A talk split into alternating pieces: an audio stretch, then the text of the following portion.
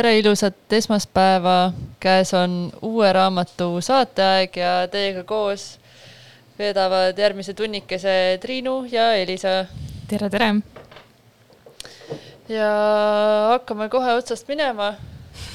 meil täna seekord ei ole erilisi teadaandeid vist, suvi on rahulik aeg, kõik puhkavad, et üritustega on natukene selline eh, kehvem lugu üks on meil tulemas tegelikult yeah.. biotoopia vestlus.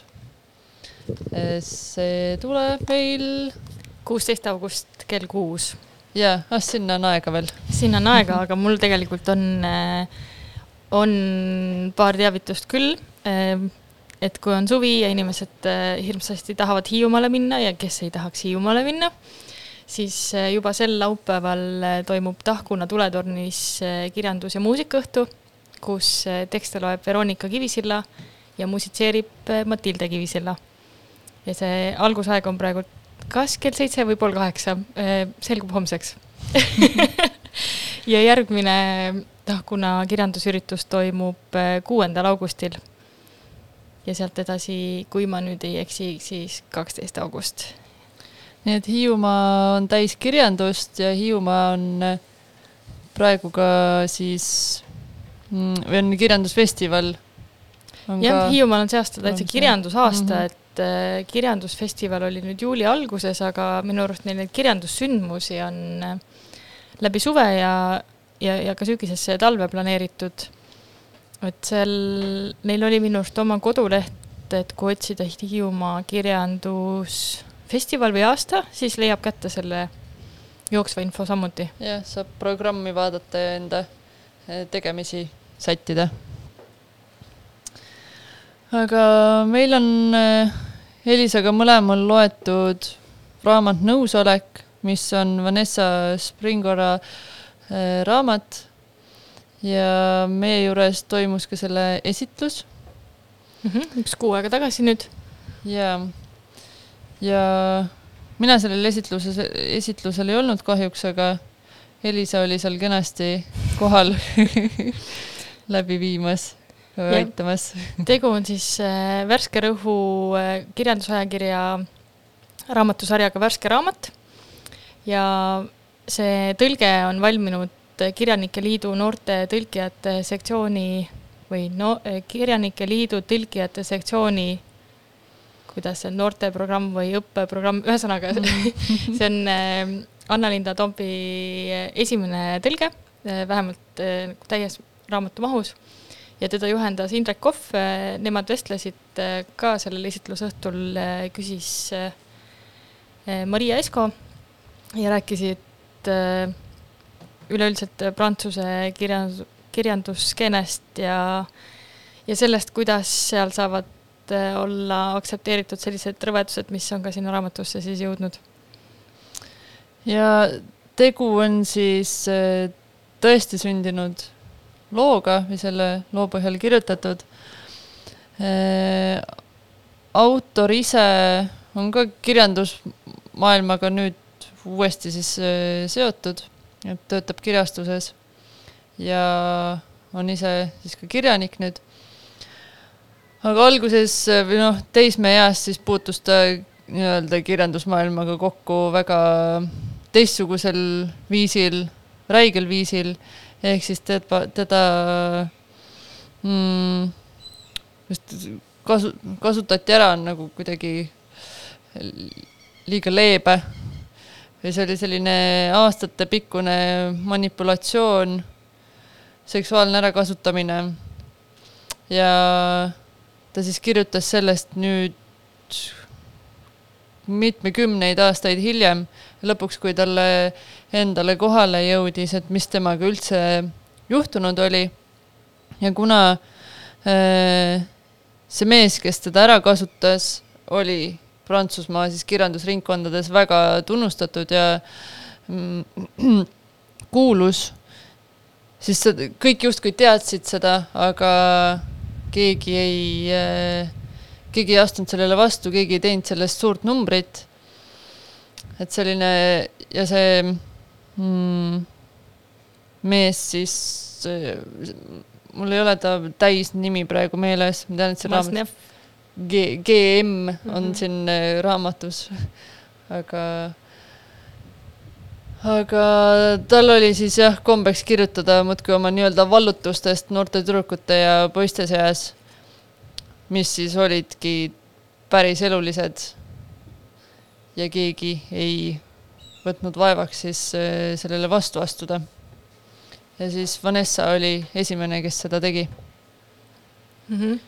et ta ta oli sel hetkel neljateistaastane ja ta, ta hakkas seda lugu siis kirja panema, kui ta nägi oma eh, perekonnasiseselt, et kui noor inimene neli, neljateistaastane tegelikult on, et ta on ikkagi puhta laps alles ja mida tähendab siis eh,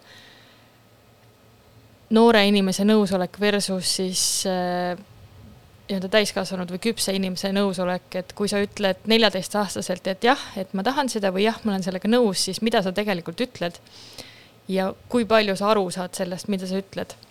et kui äh, see GM, äh, see kirjanik äh, teda piirama hakkas, ega siis ta, ega ta ei võtnud ju ka ei-d vastuseks, et kui keegi sulle nagu kogu aeg peale käib, et et kui kui erakordne sa oled ja kui, kui õnnelikuks ma sind teha saan ja kui õnnelikuks me üksteist teha saame ja kui keegi nagu lihtsalt päevade viisi sind äh, ahistab sellega, siis äh, mis see nagu, mis see omakorda su mõistusega teeb. ta mängib seal minu arust väga nagu tugevaid äh, teemasid läbi peale ka selle, et on, et see seksuaalse ärakasutamise pool, aga ka see, et millised jõusuhted on, on laste ja täiskasvanute vahel see on mm, suured ja rasked teemad aga see raamat on üllatavalt lihtsasti loetav mu meelest. jaa, ma olen ka nõus, jah. Läks äh, küllaltki kiirelt edasi ja selline, ja see keelekasutus oli ka vist äh, mõeldud pigem, ma arvan, just äh, natukene lihtsamana meelega tehtud, et anda võib-olla seda neljateistaastase mõttemaailma ka paremini edasi mm. -hmm. et äh, ma arvan, see oli ka võib-olla teadlik selline valik ka tehtud. jah, siit tuleb mängu ka Springora enda mm, kirjaniku anne või see oskus äh, sõnadesse panna või kuidagi, et sa usud seda, et see neljateistaastane, kes sulle seda räägib mm.. et äh, mul seda raamatut lugedes, no oli küll tülgastus, aga mul oli rohkem seda tunnet, et äh, ma tahaks praegu kõikidele noortele inimestele selle lugeda anda ja võib-olla täiskasvanutele ka. Et ka ära tunda, et mis nagu nende ümber toimub. Äh, et mis, tea, mulle tundus võib-olla endale ka, et ma neljateistaastane olin nagu ilgelt vana juba ja täiega sain aru mida ma teen aga tegelikult ei olnud. ja seda enam, et kui võib-olla nagu mingit äh, väga hullu lugu lugeda, et siis jõuab kohale.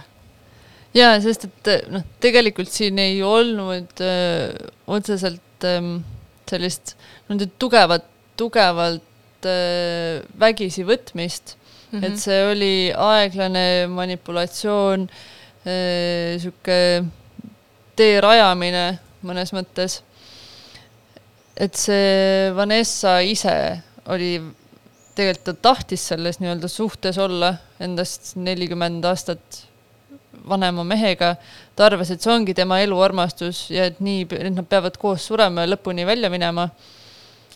aga jah, ühel hetkel hakkas talle siis järjest mingite jupikeste kaupa äh, tulema seda arusaamist, et võib-olla see ei ole kõige õigem või okeim variant mm. -hmm. Mm, tahaks sinult küsida mm,, kui sa mõtled ka võib-olla nagu enda nooruspõlve peale, et äh, kuidas äh, su vanemad nagu teg-, mingeid piire sulle seadsid, mis äh,, mis oli lubatud, mis ei olnud lubatud? Või kas nad võtsid sind kui täiskasvanud inimest? Või kuidas see välja nägi? ma ei, ma olin ise küllaltki kaua aega laps, ma vähemalt tunnen, et neljateistaastasena mul ei, mul ei olnud selliseid huvisid mm. -hmm. et ma pigem äh, ikka väga kaua aega jooksin porilompides ringi ja tegelesin nii-öelda teiste asjadega, samas kui ma nägin klassiõdesid kõrval, kes olid juba äh, suhtes ja rääkisid mingeid lugusid, millest mina ei saanud justkui aru, ma mõtlesin, kui mul oli siuke hämmingus, mis asja juba et mina, mina ei olnud nii vara selleks kindlasti valmis. et äh, ega mul vanemate poolt, noh, ma arvan, et nad nägid ka, milline ma olen et siis nad ei olnud vist äh, tarvis tol hetkel mulle muret. neid, äh, neid moraale vist lugeda, jah mm. -hmm miks ma seda küsisin, sest selle raamatu puhul mind ka nagu jahmatas võib-olla see, see viis, kuidas äh, see ema tegelaskuju, keda ta lõpuks siis väga palju süüdistab, on ju selles kõiges, mis temaga juhtus, kuidas ema tegelaskuju seda nii vabalt võttis või nagu teadiski sellest kõigest ja ta ta justkui eeldas, et nüüd see neljateistaastane ongi nagu oma elu peale läinud ja kuidagi ise otsustab ja ise teeb ja ma arvan, ma, noh, kui ma ütlesin, et ma ise tundsin ka ennast võib-olla neljateistaastasena juba päris nagu suure inimesena, siis see vahe oli küll, et mu ema andis mulle mõista, et no tegelikult sa ikka ei ole et äh, on asju, mida sa veel nagu ei taju. ja see teismeiga on selles suhtes äh, küll keeruline, et ja ma tean, noh, mingid aastad hiljem, ütleme mingi kuusteist või niimoodi, ma arvasin ka, et ma tean kõike väga hästi. et äh, aga sellele täiskasvanuna vastu hakata on, äh, ma arvan, pea, pea võimatu, et teha mm -hmm. sellele äh, mingi tormilistele hormoonidele selgeks et kõik ei ole päris nii, nagu sulle praegu tundub mm. -hmm.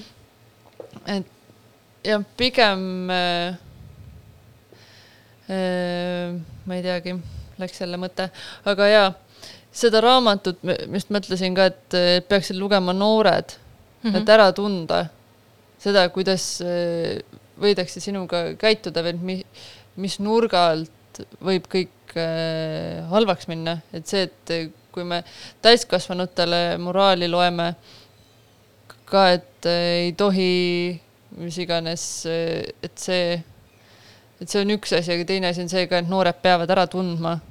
ise aru saama, mis see yeah., mis see on, mis jah, seal noh, ma mm. mõtlesin, mis sõna kasutada, et mis on, mis neile liiga teeb võib-olla või yeah. see, ma arvan, et liiga tegema on väga õige äh, väljend selle kohta, et isegi kui justkui on antud nõusolek mm., siis äh, Vanessa Springora kirjeldab seda, kuidas see tegelikult on jätnud talle väga tugeva jälje kogu eluks, et ta ei saanud inimestega lähedastesse suhetesse astudagi, sest et ta ei usaldanud kedagi või siis ta mingi hetk sai aru, et ta tahab teha sellele inimesele nii, nagu temal oleks hea, sellel teisel inimesel, mitte temal. sest et see on tema esimene suhtekogemus. ja see, kuidas teda pandi käituma, et sa pead äh, seda äh, isekat äh, vanameest siis nagu kuidagi õnnelikuna hoidma või rahuldama nagu mitmes mõttes mm. -hmm. ja see võib äh, noh, see, see võib juhtuda ka teistes vanustes nagu, et see, sul võib olla ka mingi kahekümneaastane, kes on väga manipuleeriv, aga lihtsalt, et see, et see jälg kindlasti jääb. ja liiga kindlasti tehakse, et kui sa ka loed seda lugu ja su vastas ei ole kolmkümmend, nelikümmend aastat vanem inimene, et sa siiski tunneksid neid mustreid ära. Ja, ja see on väga hea point mis mul seda raamatut lugedes veel äh, mm, mõttesse kerkis, oli, et ta viitas ka, et tal endal äh, puudus äh, isa eeskuju. tal mm -hmm. perekonnas oli, isa oli siis neid maha jätnud emaga ja mm, ma lugesin äh, nüüd teist raamatut ka, Naisninni Delta of Venus, kus mul ja nende kaks, need kaks raamatut koos nüüd toimisid äh, nii, et ma hakkasin mõtlema, et kui suur roll on ikkagi vanema, nii ema kui isa äh, eeskujul või rollil mm. -hmm. et äh, tihti on nii, et kui kuskilt otsast lonkab või on midagi puudu, siis ollakse täiskasvanu eas või siis noh, teismeeas just äh, sellistele mm, ohtlikele suhetele siis kuidagi altimad vist et otsitat-, otsitakse seda puuduolevat äh, armastust, aga tihti siis valedest kohtadest mm -hmm. võib-olla. ju. Enne kui me lähme sinu teise raamatu juurde, mida sa juba otsapidi puutusid, äh, siis äh, Springora nõusolekuga see tekitas palju furoori Prantsuse ühiskonnas. ja sealt tuli ka võit siiski, et see nõusoleku piir liigutati siis neljateistkümne pealt kuueteistkümne peale. et isegi kui selline suhe oleks nii-öelda nagu mm, aktiivne või see toimiks ja see inimene on öelnud, et ta on nõus sellega, siis see läheb siiski karistusseadustiku alla, et see ei ole adekvaatne nõusolek. et see piir liigutati ära tänu sellele skandaalile ja nii, et äh, jah, ohvrite lugudest on kasu, tuleb rääkida, et see, kui kirjanik ise kirjutab ülivõrdes endast ja enda nii-öelda saavutustest, mis tal äh, nende noorte tüdrukute või poistega on, siis selle peale ei, ei kergita keegi väga kulmu, eks mõned ikka on noh, nii-öelda teda natukene maha teinud, aga suurem osa ühiskond on teda kaitsnud. aga lõpuks mm -hmm. jah, et, kui nende lugudega ikkagi tõesti välja tulla, siis on sellele teine see vaatepunkt või lähenemine ka olemas -hmm. millelt siis muutusi ellu viia. jah, selles suhtes on mm, vähemalt mulle tundub äh, Springorat lugedes ja tema intervjuust lugedes, et, et tegu on nagu vähemalt praeguseks hetkeks piisavalt tugeva inimesega või tugeva iseloomuga inimesega, et see, muidugi ta kartis oma looga välja tulla, sest et see Mats Neff on siiani, vist siiani aktiivne kirjanduselus. Äh, ta küll nüüd viimastel aastatel äh, ei saa kirjutada nii, nagu ta on varasemalt kirjutanud, aga sai siiski ka pärast kahe tuhande kümnendat aastat, kas oli üksteist või peale, sai äh, suure kirjanduspreemia, mis tekitas inimestes palju küsimusi, eriti neis, kes siis teadsid, millega ta tegeleb ja kuidagi, et see ei ole enam Prantsuse ühiskonnas nii vaikimisi okei okay,, et äh, sa kirjutad oma lapssaavutustest ja mida ta on teinud aastakümneid. Et äh, see vist oli ka katalüsaatoriks, et, et ta oma loo kirja paneks. ja nagu sa ütlesid ka, et äh, tal oli vastaseid, siis äh, mul on tunne, et neid, neid vastaseid saab alati olema, aga see mm. ei äh,, kuidas seda öelda, et see, sellega tasub riskida, et need vastased üt-, võib-olla tahavad sul pahasti öelda või kuidagi tahavad öelda, et miks sa rikud kellegi elu ära, kas nagu persse, nagu kui sa sa, on mingi vana mees, kes siis rikub äh, paljude inimeste elu Äh, järjepidevalt, siis äh, mul ei ole tast kahju, kui see üks hetk nagu talle vastu keeratakse. ja üks asi, ma ei mäleta, kas ma lugesin seda siit raamatust nüüd või ma lugesin kuskilt lisaks, et äh, kirjanik sai auhinna selle tõttu, ja see vist oli ikka raamatus, ja et tal oli äh, eesnäärmevähk ja kuna siis äh, seal kirjandusringkonnal hakkas temast nii kahju, et siis sellepärast anti talle ka mingi suur auhind. et ta saaks raha? jah. Ma seda vähiosa ei tea. aga siis äkki ma lugesin seda jah, kuskilt lisaks. Mm, no see põhimõtteliselt see oli, no see mm. hoituse hetk oli ikkagi, et nagu, et ja. kuidas me nüüd nii, võtame talt ära sissetuleku. ja ta kirjutas mm. tegelikult selle nõusolekule oma vastulause ka raamatu kujul, aga seda avalikult ei levitatud ehm,. sa said mingisugused patroonid osta siis suure raha eest, et toetada ikkagi vaest kirjanikku mm. -hmm. aga noh,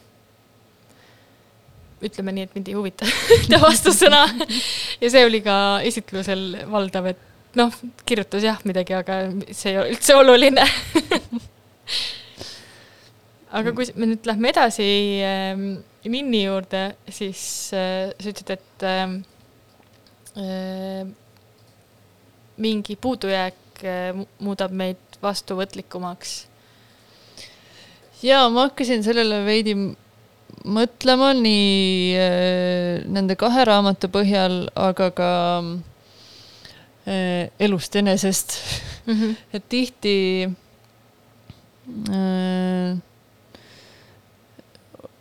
vist ikkagi on nii, et need käituvad veidi provokatiivsemalt või riskialtimalt, kes on siis olnud ühe vanema siis äh, armastuseta äkki või, või kuidagi see ei ole kõigil nii, see ei ole alati sada protsenti, aga kui seesama jälle võib viidata mingisugusele suuremale probleemile, mis on peres olnud, just mõtlen meie aeg, siis kui meie noored olime, üheksakümnendad, et see aeg oli veidi teistmoodi kui praegu, ma arvan, praegu on vanemad ka teadlikumad või oskavad kuidagi teistmoodi äh, mingeid lahkuminekuid ja selliseid lahendada ja lastele selgitada ka mm. -hmm.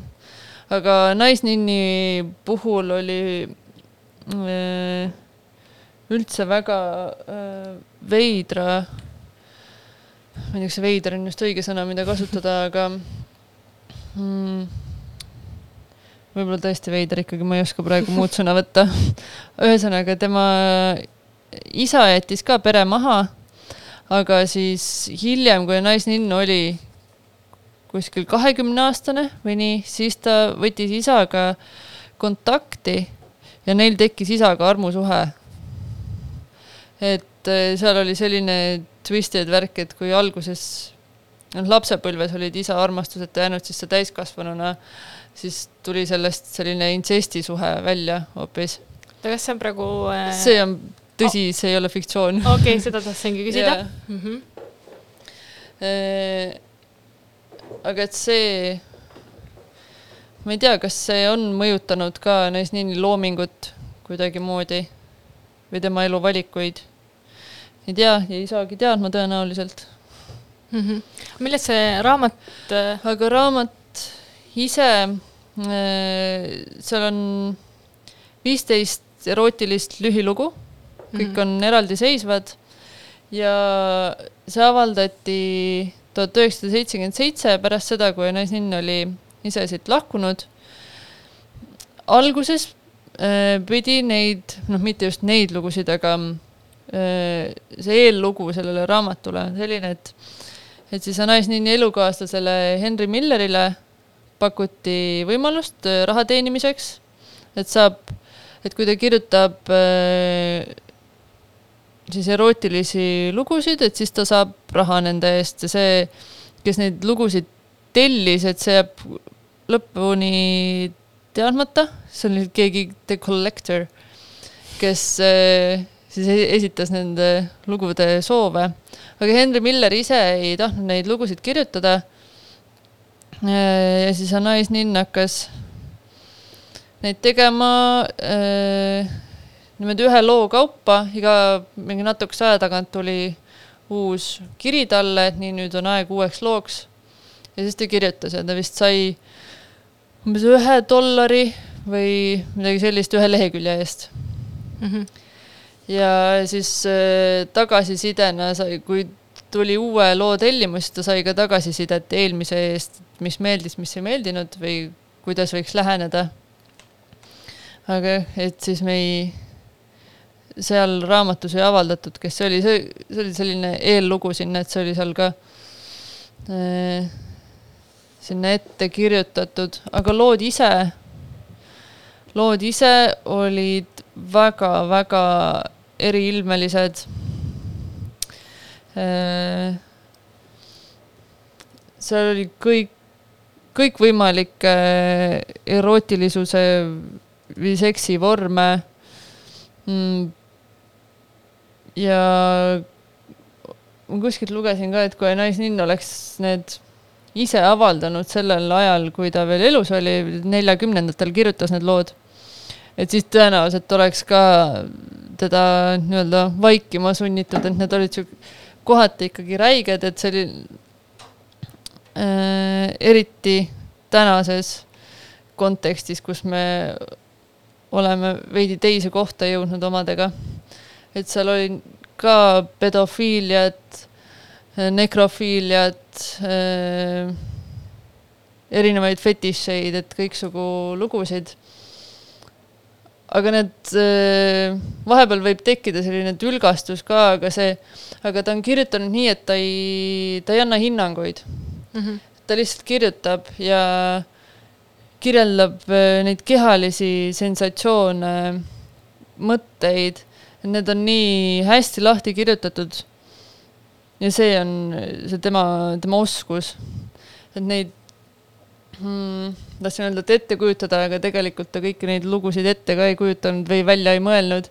sest et äh, seal eelloos oli ka kirjas, et nad sõpradega tihti arutasid, et mida nüüd, mida nüüd kirjutada ja, ja need lood on ka tegelikult pooleldi tõesed, et äh, kümnete sõprade või tuttavatega juhtunud. aga siis ta on natukene kas äh, moondanud neid, juurde pannud midagi, et oleks, oleks siis sellele The Collectorile mm -hmm. kuidagi meelepärasem või huvitavam lugeda mm ma üritasin praegu kiiresti vaadata, aga ma ei saanud teada, kes see kollektor oli tekkis huvi ja ma, ma vist, ma vist ei guugeldanud seda ka välja praegu, aga see kindlasti on, on olemas kuskil. ja just, et see, sest et need lood avaldati pärast Anais Ninni ja siis The Collectori surma okay.. et need mõlemad olid lahkunud ja siis, siis sai need avaldada mm. -hmm. et ennem ei, ennem ei saanud. aga kuidas sulle tundus, kas äh, kas nad mõjusid ka praeguses ajas erootiliste lugudena? Et seda on minu arust Anais Ninni kohta nagu ka öeldud, et ja paljude teiste erootiliste kirjanike, kes nagu omal ajal šokeerisid võib-olla, et äh, kuidas nad tänases päevas mõjuvad? Nad noh, oleneb loost, on ju. ega selle, seal kindlasti oli mõni lugu, mis oli erutav, aga kohati ma mõtlesin ikka, noh, enamus lugude puhul, puhul ma nagu veits võttis südame värelema ja oli selline, et äh, nagu ei tahaks, et endaga niimoodi juhtuks mm. selle, selle nagu halvas mõttes, aga aga tänases kontekstis ka ma ei tea, kas äh, vot see ongi selline veider küsimus ka, et äh, sest tänapäeval loetakse neid tema lugusid ka mm -hmm. siiamaani. et kas on vahet, et kas ta on kirjutatud neljakümnendatel või on ta kirjutatud tänapäeval, et mm -hmm. ma arvan, et kui tänapäeval keegi niimoodi kirjutaks, siis see šokeeriks rohkem võib-olla isegi, aga kui on teada, et see on minevikus sellest ajast, neljakümnendad, siis ka nii-öelda pandi hullu, oopiumit eh, tarvitati korralikult ja nendes oopiumipesades olid siis eh, suured orgiad ja nii edasi. Et eh, noh, niisugune nii ja naa, on ju. Mhm. et ma arvan, et detaili on seal väga palju.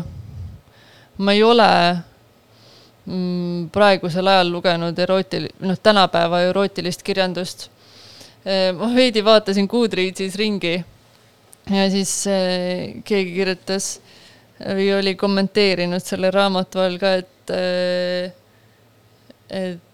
et kui see see Hallide varjundite raamat, et kui nad oleksid, kui see autor oleks enne lugenud Naisninni, et siis äkki ta oleks mingi hea asja kokku keeranud, et ühesõnaga need ei ole võrreldavad, mis, mis praegu on või Twilighti mingid stseenid või et need, need on nii imalad ja magedad selle kõrval, kuidas päriselt eh, erootikast kirjutada.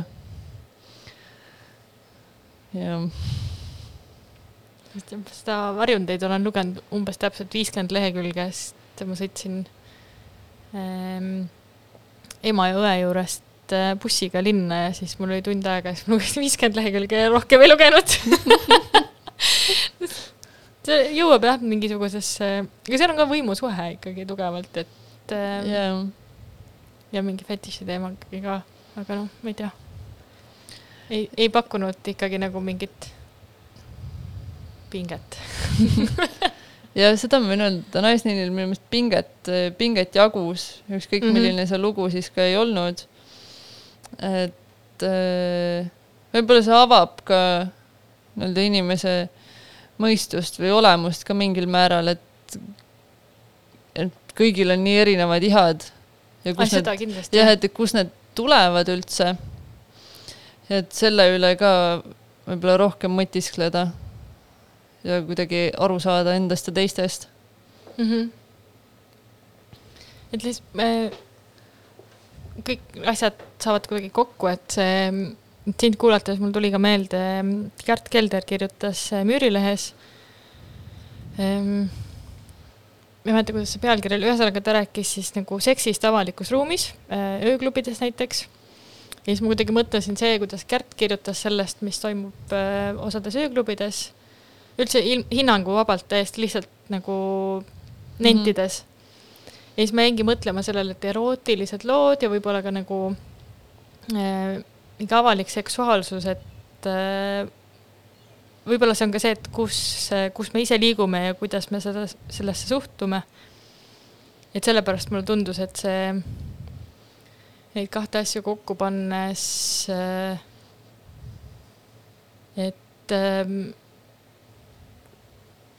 kuidas ma seda nüüd ütlen et ühesõnaga, et kas, kas see mõjub nagu kuidagi või siis see on kuidagi, see seksuaalsus on nii aval-, avatud ja nii äh, nii tavaline, et kas, et erootilise loo kirjutamine minu arust ei olegi väga kerge ülesanne. et kuidagi seda kõike on nii palju ümberringi ja, ja võib-olla ka mingisugune intiimsus on sellest kadunud, et võib-olla see intiimsuse mõõde aitabki seda erootilisust siis ja, säilitada. väga nii-öelda kui on psühholoogiline triller, et siis sa nagu öö, rõhud sellele, selle mõttemaailma keerdkäikudele või kuidagi sellele, et sul ei ole nuga selga mingisugune niisugune mm -hmm. rõvedus, et siis on ka psühholoogiline erootika või ma ei kindlasti, või noh, psühholoogiline seks võib-olla siis lihtsalt see, et miks ei ole halli varjundit äh, võib-olla nii äh, laetud et äh, siis, sest et seal ongi nagu, siin on mees, siin on naine, nad saavad kokku ja sa saad kohe aru, et kohe läheb nagu andmiseks. noh, seal on mingisugused äh, fetiši teemad sees, on ju, aga et see, see, see ei jää nagu sa oled kindel, et see tuleb see on nagu nii, see, sul, sul ei ole midagi oodata, sa tead jaa, et selline jah, mängimine siis mm -hmm. võib-olla, et see hoiab seda põnevust mm. -hmm kas mm. teeme väikse muusikalise vahepala, enne kui me lähme täiesti teistsuguste teoste juurde? teeme, siis on äh, väike paus teile, et saaks üle minna. peatse kuulmiseni. jah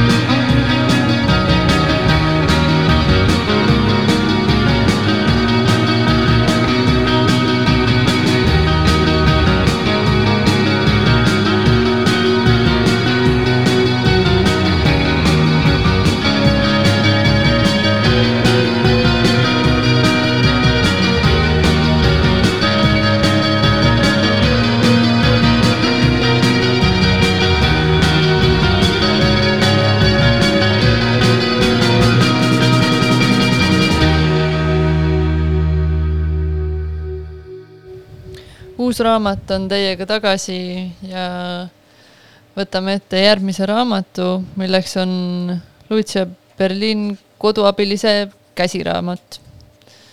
ja Elisa hakkab meile sellest äh, täpsemalt rääkima.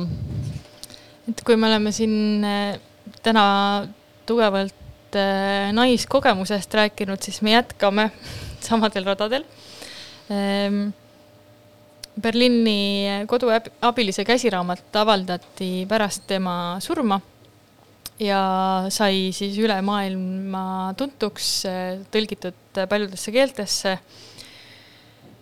ja Berliin on tõesti väga-väga hea autor. et äh, mis mind, äh, ma kuidagi, ma olin ta nimega kursis, äh, aga ei olnud lugenud lükkasin nagu pidevalt edasi ja siis nüüd, kui äh, see eestikeelses tõlkes äh, avaldati umbes kuu aega tagasi, et enamus lugusid on Jüri Kolgi tõlgitud ja osa siis Kaisa Kirotar, siis tekkis see tunne, et nüüd on siis aeg. aga Berliin, äh, Berliinil oli üsna keeruline elu, ta oli korduvalt abielus kui ma nüüd ei eksi, siis kolmekümne kahe aastaselt oli tal juba kolm last ja kas oligi kolm abielu eh, selja taga või üks ka võib-olla käimas veel. Ehm, tal oli elu jooksul probleeme alkoholismiga, eh, ta lapsena väärkoheldi ja kõik need liinid jooksevad tema novellides. et sa, siin on eh, see lapse väärkohtlemise teema on tal kuidagi nii möödaminnes äh, mõnes novellis sees, et see võtab hinge korraks kinni. et selline, et tema puhul oli see siis vanaisa, kes äh, ei jätnud rahule ei teda, ei ta nooremat õde, ei ta ema, äh, põhimõtteliselt mitte kedagi. et siin ühes loos, mis mind lihtsalt südamepõhjani tülgastas, kurvaks tegi, oli see, kuidas, ma ei, kui palju siin on seda äh, personaalset poolt, aga et, äh, et ta vanaema vaatas pealt ja ei, ei teinud midagi, et see pool nagu, äh, ta vihastas mind tohutult, kuidagi see lugu, aga samas on Berliini lugudes, seda ei saa öelda nagu Springora puhul, et, et neid oleks kuidagi lihtne lugeda, et minu arust on väga pakitud lood. siin on see inimkogemus või nais, naisel kogemus äh, väga tugevalt äh, esil, et see koos oma ilu ja, ja, ja võluga ja valuga samas ka, aga tal mm,, ta toob selle, enamus ta peategelasi on naised, et ta toob selle naise, kellest ta räägib, nii tugevalt esile, et tema on selle elu kangelane, et kangelased samamoodi ei lähe alati nagu hästi, aga ta on siiski kuidagi kangelane siiski oma elu äh, peategelane. et ja mida ma seda raamatut lugedes ka mõtlesin, et alkoholi teema jookseb siin väga tugevalt sees. et äh, kui palju sa tead äh, raamatuid, mis käsitleksid alkoholismi naise perspektiivist? ega ei tule ühtegi ette, jah. tulevad kõik ja. need joodikutest luuletajad, on ju mm, -hmm. kes on kõik mehed ja kes panevad kuskil prostituute ja mingi rock n roll, aga just seda nagu naise poolt, seda, seda nagu ikka kohta, ei ole. et kõik need, et mis sul ikkagi järgmisel hommikul on, kui sul ei ole majas midagi ja sa pead värisedes mööda tänavat esimese poeni kõndima, kuidas äh, ka selline mingi joodikute solidaarsus, et kui kellelgi raha ei ole, siis ikka aidatakse omasid, sest et sa näed, et teisel on ju jube kehv olla ja et seda on siin, eh, samas siin on üks lugu, mis eh, võib-olla ehm, siin oli väga palju mõjusaid lugusid, aga üks lugu oli minu jaoks eh, tugevalt Eestist esil, mille nimi oli Naerata mulle, mis rääkis, mis oli räägitud mitmest perspektiivist. algab ühe advokaadi vaatenurgast, kuidas ta kohtub siis ühe paariga, kellest ta põhimõtteliselt armub, sest et eh, nad on nii teistsugused, nad elavad nii teistsugust elu ja ta tunneb ise nendega koos siis aega veetes, et tema elu võiks ka olla vaba. et siiani ta on ennast kuidagi kammitsenud.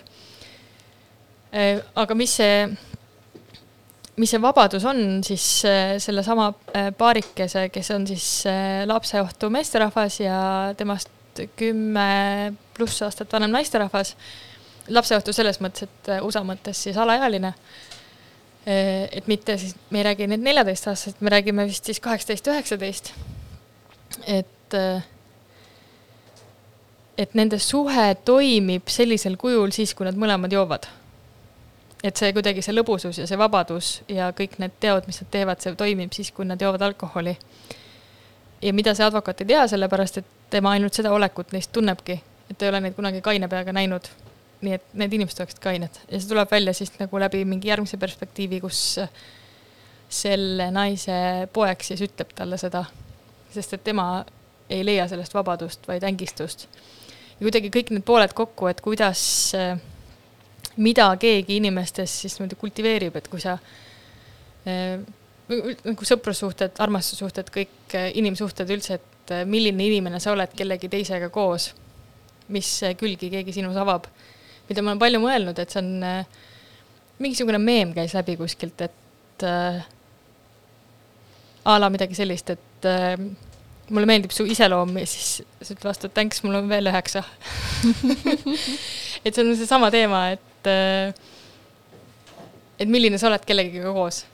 sest äh, ma olen ise tugevalt oma sõprade käest tähele pannud, et keegi nagu need mingid dünaamikad, mis muutuvad, kui inimesi tuleb juurde või läheb ära või kes kellegagi koos on, et sa, sa, et sa ise ei ole samasugune ja see teine inimene ei ole samasugune. jaa, sest et noh, mina olen ka selle peale palju mõelnud, aga ma mõtlen, et see on äh, ka nagu tehted, et kui matemaatikasse panna, siis iga inimene on erinev number mm. -hmm.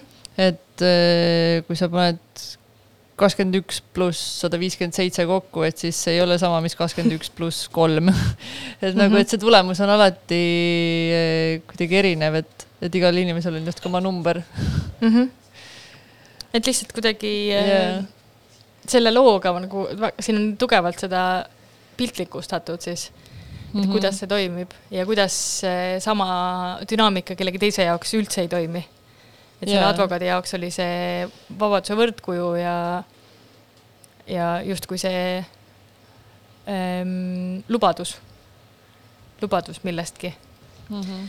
et aga siin mm,, mis siin raamatus veel äh, silma torkas, et see on äh,, mis see nüüd aasta mõttes, mis ta on avaldatud ähm,, esmatrükk seitsekümmend seitse, kas see võib olla õige?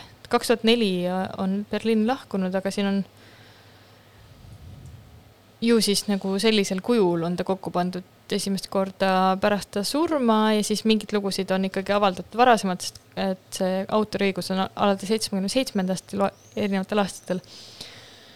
aga et siin on näiteks üks lugu, mis räägib äh, abordist ja põrandaalusest kliinikust ja seda lugedes, see oli umbes nädal aega pärast seda, kui siis äh, USA jälle naiste õiguste kallale läks ja abordid suures osas USA-s äh, ära keelas või siis andis ka selle võimaluse seda päevapealt teha. ja siis ma lugesin seda raama-, sellest, seda novelli sellest põrandaalusest kliinikust, kus sul on lihtsalt suur ruum täis naisi, kes täpselt ei tea, mis nendega toimuma hakkab ja siis tuleb mingi üks mees, keda sa pead usaldama, kes on arst kuidagi see, see lugu on nii mm,, siin on nii palju õõva ja. ja siin on nii palju õõva ja mingisugused, antud juhul siis oli ka suurem osa neist hispaania keelt kõnelevad äh, naisterahvad, nooremad, vanemad ja siis Berliin ise, ma saan aru, et ta oli ka päriselt äh, hispaania keele oskaja, et kas ta oli äkki inglise keele õpetaja mingi hetk. aga ta rääkis hispaania keelt ka, et tema siis lohutas mingi, see mina tegelane, kes tihti on samastatav äh, Berliini enda isikuga, mitte alati, aga et selles loos ma kuidagi samastasin väga tugevalt teda, võib-olla lasin fantaasial lennata omavoliliselt ka, aga et see mina tegelane siis lohutab seda noort tüdrukut äh, keeles, mis, mida ta mõistab esiteks. et kui, kui oluline see hoituse tunne on ka, kui sul on mitte küll, mitte ainult siis selles hetkes, et sa näiteks pead aborti tegema, aga ka see, see turvalisus üldse, et sul on, sul on õigus otsustada oma keha üle ja et sul on õigus aru saada, mis sinuga toimub ja mis ümberringi hakkab saama. et see, see õud oli seal nii tugevalt kohal mm.. ja siis ähm, tahtsin lugeda ühe, ühe katkendi viimasest loost ette. Äh, ta ei iseloomusta seda kogumikku äh, tervikuna, aga ta minu jaoks võttis kuidagi väga äh, teravalt kokku selle tunde, et miks ma enne Berliini lugenud ei ole, et kus ma elanud olen.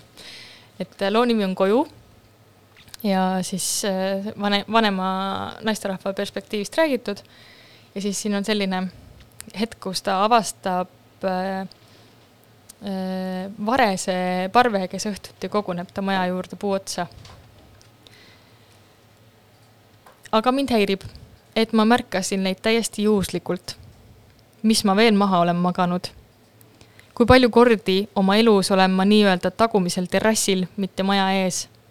mida võidi mulle öelda, mille kuulmisega ma hakkama ei saanud milline armastus oleks võinud olla, mida ma ei tundnud? Selline lühike katkend. aga see on, äh, võttis kuidagi palju asju mu jaoks kokku kaasa arvatud selle raamatu ja selle autori teadvustamise jaoks. et äh, meil hakkab aeg otsa saama, aga ma tahaksin äh, kiiresti soovitada ühte lühiromaani, mis ilmus eelmisel kuul mis on siis meesterahva lugu, mis on pojatatud läbi naisterahva vaatenurga, kes on juhuslikult ka noor naine meil on täna temaatika tundub nii, jah. see on Tiziano Scarpa Stabat Mater ja ma lihtsalt soovitaksin, see on selline natukene manamisena päeviku ette äh,, sissekannetena noore tüdruku lugu äh,. ta on nagu vaikimisi ka Vivaldi lugu, aga ta on suuresti ikkagi selle noore tüdruku lugu, kes räägib sellest, et kuidas on üles kasvada teadmisega, et su ema on sind hüljanud ja sa oled pidanud äh, kasvama siis äh, nunnade juures orbude kodus. et kuidagi see, jälle see, et mida teeb puudumine inimesega, mis mõtteid see tekitab, äh, mis olekuid see tekitab, sest et ta maadleb unetusega ja kuidagi ka millest, siin juhul ma võin öelda, et kust leida mingit lunastust sest et ta elab siiski äh, kirikukeskkonnas äh,, peab igapäevaselt sellega tegelema, aga et see mingi muusika roll ja mingi vabanemine, mis läbi selle toimub, aga siis ma rohkem ei jõuagi öelda ja võib-olla ei olegi vaja väga osav lühikokkuvõte aga meie lõpetame tänaseks ja kohtume jälle kuu aja pärast. tšau. mõnusat suve.